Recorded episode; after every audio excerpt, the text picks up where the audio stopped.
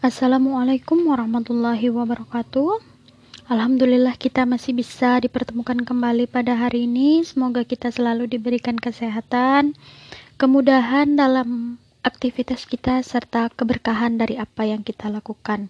Oke, pada hari ini kita memasuki materi gejala sosial akibat perubahan sosial.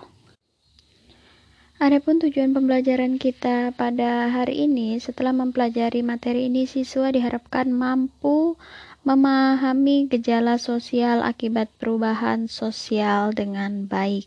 Untuk tujuan pembelajar, eh tujuan materi inti pembelajarannya yang akan kita pelajari pada hari ini itu adalah perubahan-perubahan sosial yang ada dalam berbagai macam bentuk. Ada globalisasi, westernisasi, kultur lag, uh, culture shock, modernisasi, konsumerisme, budaya populer, hedonisme, kemiskinan, dan kesenjangan sosial. Jadi, itu yang akan kita pelajari cukup banyak pada hari ini ya.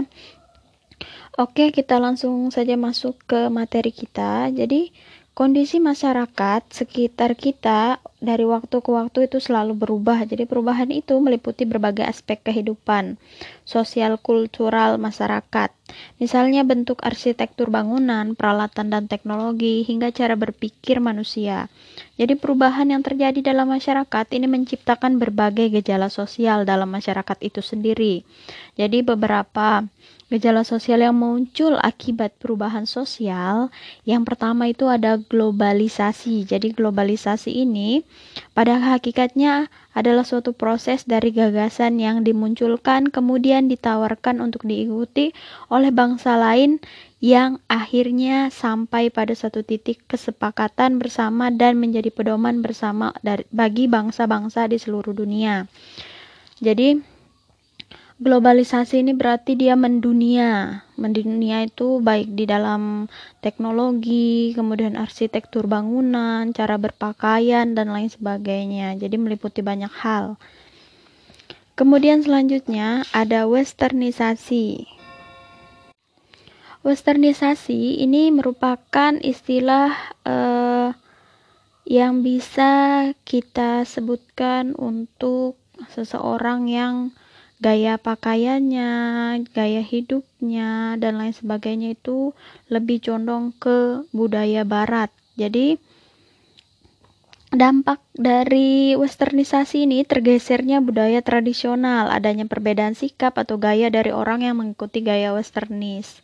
Hilangnya adat bisa juga termasuk ke dalam uh, dampak yang bisa dihasilkan dari westernisasi ini. Westernisasi itu adalah kebarat-baratan, jadi cara berpakaian, cara berbicara, cara hidup itu lebih condong ke barat-baratan seperti itu. Kemudian yang ketiga ada kultur like. Jadi kultur like ini adalah uh, bahasa lainnya itu ketertinggalan budaya. Kondisi ini um, terjadi ketika budaya ini tidak bisa menyesuaikan diri atau beradaptasi dengan komponen budaya lainnya yang sudah mengalami perubahan terlebih dahulu. Misalkan modernisasi alat-alat pertanian. Jadi beberapa daerah di negara Indonesia telah menghasilkan peningkatan produk pertanian. Akan tetapi, perubahan penggunaan alat-alat tersebut tidak disertai kemampuan dalam hal penyimpanan produk dan pemasarannya. Akibatnya banyak hasil pertanian yang busuk dan tidak termanfaatkan seperti itu. Itu hubungan dengan kultur lag. Jadi ini adalah ketertinggalan budaya. Selanjutnya itu ada culture shock. Jadi culture shock ini adalah keguncangan budaya yaitu keadaan di mana seseorang atau masyarakat tidak siap menerima kebudayaan baru yang sifatnya asing yang tiba-tiba datang. Misalkan, ketika terdapat orang lain yang melakukan urbanisasi ke kota, banyak hal baru yang membuatnya terkaget-kaget atau terperangah melihat kehidupan kota dengan berbagai budaya yang berbeda, baik dari segi berpakaian, berbahasa, maupun bekerja. Apabila hal ini tidak diantisipasi sebelumnya, maka seseorang atau masyarakat tersebut akan mengalami keguncangan jiwa atau mental dalam menyikapi pola hidup yang berbeda. Seperti itu yang sehubungan dengan culture shock atau keguncangan budaya. Dia tidak bisa ber uh, beradaptasi dengan budaya barunya di mana dia berada. Kemudian selanjutnya ada modernisasi. Jadi kata modernisasi uh, ini adalah berasal dari kata modern yang berat dari bahasa Latin modernus yang dibentuk dari kata modo dan ernus. Modo berarti cara, sedangkan ernus menunjukkan pada adanya periode waktu masa kini. Jadi modernisasi itu kalau kita rangkum definisinya berdasarkan etimologi atau kebahasaannya, itu berarti proses menuju masa kini atau proses menuju masyarakat modern. Modernisasi dapat pula berarti perubahan dari masyarakat tradisional menuju masyarakat yang maju atau modern. Modernisasi ini tidak sama dengan westernisasi. Jadi, kalau westernisasi ini adalah peniruan secara mutlak pengaruh budaya barat yang masuk, kalau modernisasi ini bukan sekularisasi. Sekularisasi adalah suatu proses pemisahan antar nilai-nilai keagamaan dengan nilai duniawi. Jadi berbeda ya modernisasi, westernisasi, dan sekularisasi. Kalau modernisasi itu proses menuju ke modernan atau masyarakat yang lebih maju. Seperti itu. Kemudian selanjutnya ada konsumerisme. Jadi konsumerisme ini menunjukkan perilaku konsumtif yaitu membeli barang dengan lebih mengutamakan keinginan daripada kebutuhan. Jadi konsumerisme ini dipengaruhi oleh persaingan pasar yaitu antara produk dalam negeri dan produk impor. Pasangan tersebut mendorong munculnya tawaran diskon sehingga mempengaruhi konsumen berperilaku konsumtif. Jadi seseorang yang sudah termasuk di dalam kategori konsumerisme ini sangat susah untuk menghindari karena mereka sudah menganggap bahwa mereka harus menjadi yang pertama daripada orang lain. Dalam hal membeli barang tadi ya itu konsumerisme berhubungan dengan perilaku konsumtif, kemudian selanjutnya budaya populer. Jadi tidak dipungkiri bahwa globalisasi ini mendorong terjadinya pertukaran budaya sehingga interaksi antar budaya ini mengakibatkan adanya fenomena sosial dalam masyarakat. Jadi pengaruh globalisasi ini menghasilkan kesamaan budaya di seluruh dunia. Ini pengaruh dari globalisasi yang kita bahas pertama kali tadi ya. Sebagai contohnya, budaya dari suatu negara diikuti oleh negara-negara lain. Westernisasi dan berkembangnya cosplay merupakan fenomena sosial yang menunjukkan perkembangan budaya populer. Itu jadi budaya populer yang uh, sebagai akibat daripada globalisasi.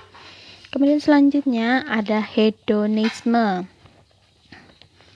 Jadi hedonisme ini merupakan nilai yang dimiliki individu yang membuat Kesengsaraan perilakunya dimotivasi oleh keinginan untuk mencapai pleasure dan menghindari pain.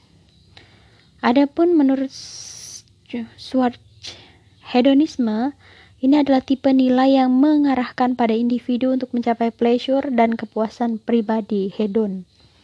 Dia lebih mementingkan kepuasan pribadinya. Jadi kalau tidak terpenuhi, dia akan stres, pusing, dan lain sebagainya seperti itu. Kemudian selanjutnya kemiskinan. Jadi kemiskinan ini merupakan gejala sosial yang muncul akibat perubahan sosial. Secara umum, kemiskinan didefinisikan sebagai kondisi saat seseorang atau sekelompok orang tidak mampu memenuhi hak-hak dasar untuk mempertahankan dan mengembangkan kehidupan yang bermartabat. Sedangkan secara ekonomi, kemiskinan diartikan sebagai kekurangan sumber daya yang dapat digunakan untuk memenuhi kebutuhan hidup dan meningkatkan kesejahteraan seseorang. Jadi sumber daya dalam konteks ini ini menyangkut tidak hanya aspek finansial tetapi semua ke jenis kekayaan yang dapat meningkatkan kesejahteraan masyarakat. Jadi itu sehubungan dengan kemiskinan sebagai akibat dari perubahan sosial. Kemudian selanjutnya yang terakhir itu kesenjangan sosial. Jadi kesenjangan sosial ini merupakan keadaan sosial yang tidak seimbang yang disebabkan oleh adanya kesalahan fungsi dan kedudukan anggota sosial. Kesenjangan sosial disebabkan oleh adanya kesalahan fungsi dan kedudukan anggota sosial. Jadi kesenjangan sosial ini sangat erat dengan aspek ekonomi. Jadi kemiskinan menjadi salah satu faktor yang mendominasi terjadinya kesenjangan sosial.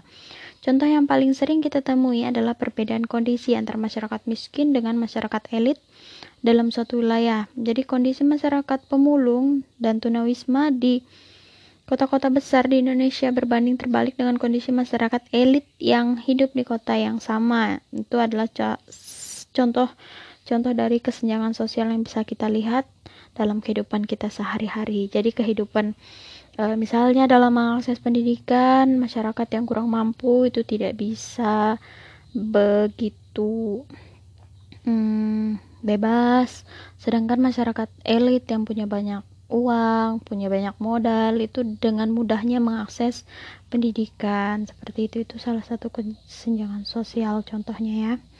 Oke, itu untuk materi kita pada hari ini. E, untuk bab satu kita sudah habis materinya kemudian untuk tugasnya. Nanti akan ibu sampaikan di grup WhatsApp.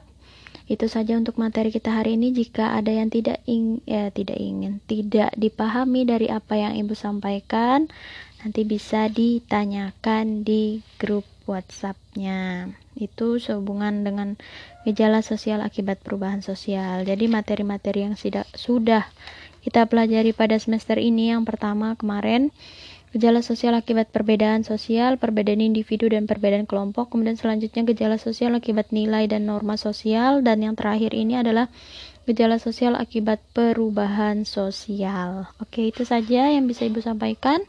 Ibu akhiri pertemuan pada hari ini. Uh, Wassalamualaikum warahmatullahi wabarakatuh.